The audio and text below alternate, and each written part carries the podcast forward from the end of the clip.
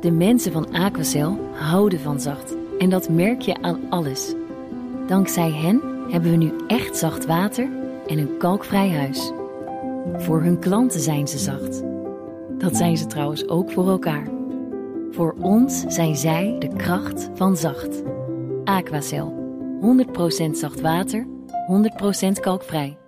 Het mooie van de Telegraaf is dat het een onafhankelijke krant is. Een onafhankelijke rechtse krant. Vroeger, toen het CDA vaak regeerde met de Partij van de Arbeid, kreeg de VVD alle ruimte. Als waarschuwing aan het CDA: het mag niet te gek worden. Regeert de VVD met de Partij van de Arbeid, dan steunt de Telegraaf het CDA. Het kompas is: wat zal de gewone, tikje conservatieve man of vrouw ervan denken? Trekt hij het nog? In 1988 verscheen het Nationaal Milieubeleidsplan van VVD-minister Ed Nijpels. Langzaam sterft de aarde, zei koningin Beatrix in haar kersttoespraak. Toen het tweede kabinet Lubbers vervolgens de reiskostenaftrek voor woon-werkverkeer wilde verlagen, begon de Telegraaf zo te stoken dat de VVD het niet meer hield en het kabinet viel. Dertig jaar later is er opnieuw een milieubeleidsplan. Als we niets doen, warmt de aarde zoveel op dat het hele ecosysteem in de war raakt. Er moet nu echt iets gebeuren en politieke leiders doen zelf mee. Zo heeft VVD-fractievoorzitter Klaas Dijkhoff een elektrische auto gekocht en radiatoren voor een warmtepomp.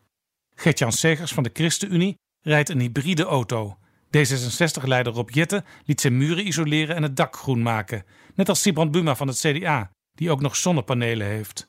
Dijkhoff wil ze ook, maar hij wacht op een vergunning. Ook koning Willem-Alexander is ermee bezig, maar voor het monumentale Huis ten Bosch krijgt zelfs hij niet snel een vergunning.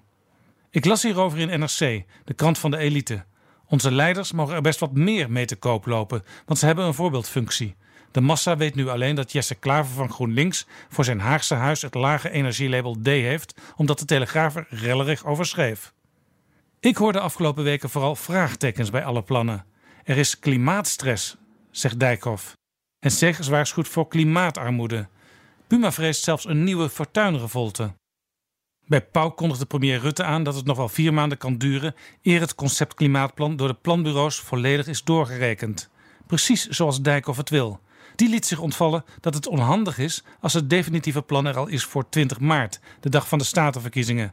Toen er kritiek op kwam, liet Rutte weten dat het ook eerder kan. De planbureaus zijn immers onafhankelijk.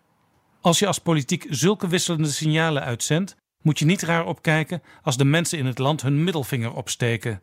Aangevuurd door de Telegraaf, die onder de chocoladeletterkop Klimaatkassa mensen liever bevestigt in wat ze al vermoeden, in plaats van ze op nieuwe gedachten te brengen. In het democratierapport van de staatscommissie Remkes staat uitgebreid beschreven dat burgers veel waardering hebben voor de democratie, maar veel minder voor onze politici. Daar maken ze het zelf dan ook wel een beetje naar. De mensen van Aquacel houden van zacht. En dat merk je aan alles. Dankzij hen hebben we nu echt zacht water en een kalkvrij huis. Voor hun klanten zijn ze zacht. Dat zijn ze trouwens ook voor elkaar. Voor ons zijn zij de kracht van zacht. Aquacel. 100% zacht water, 100% kalkvrij.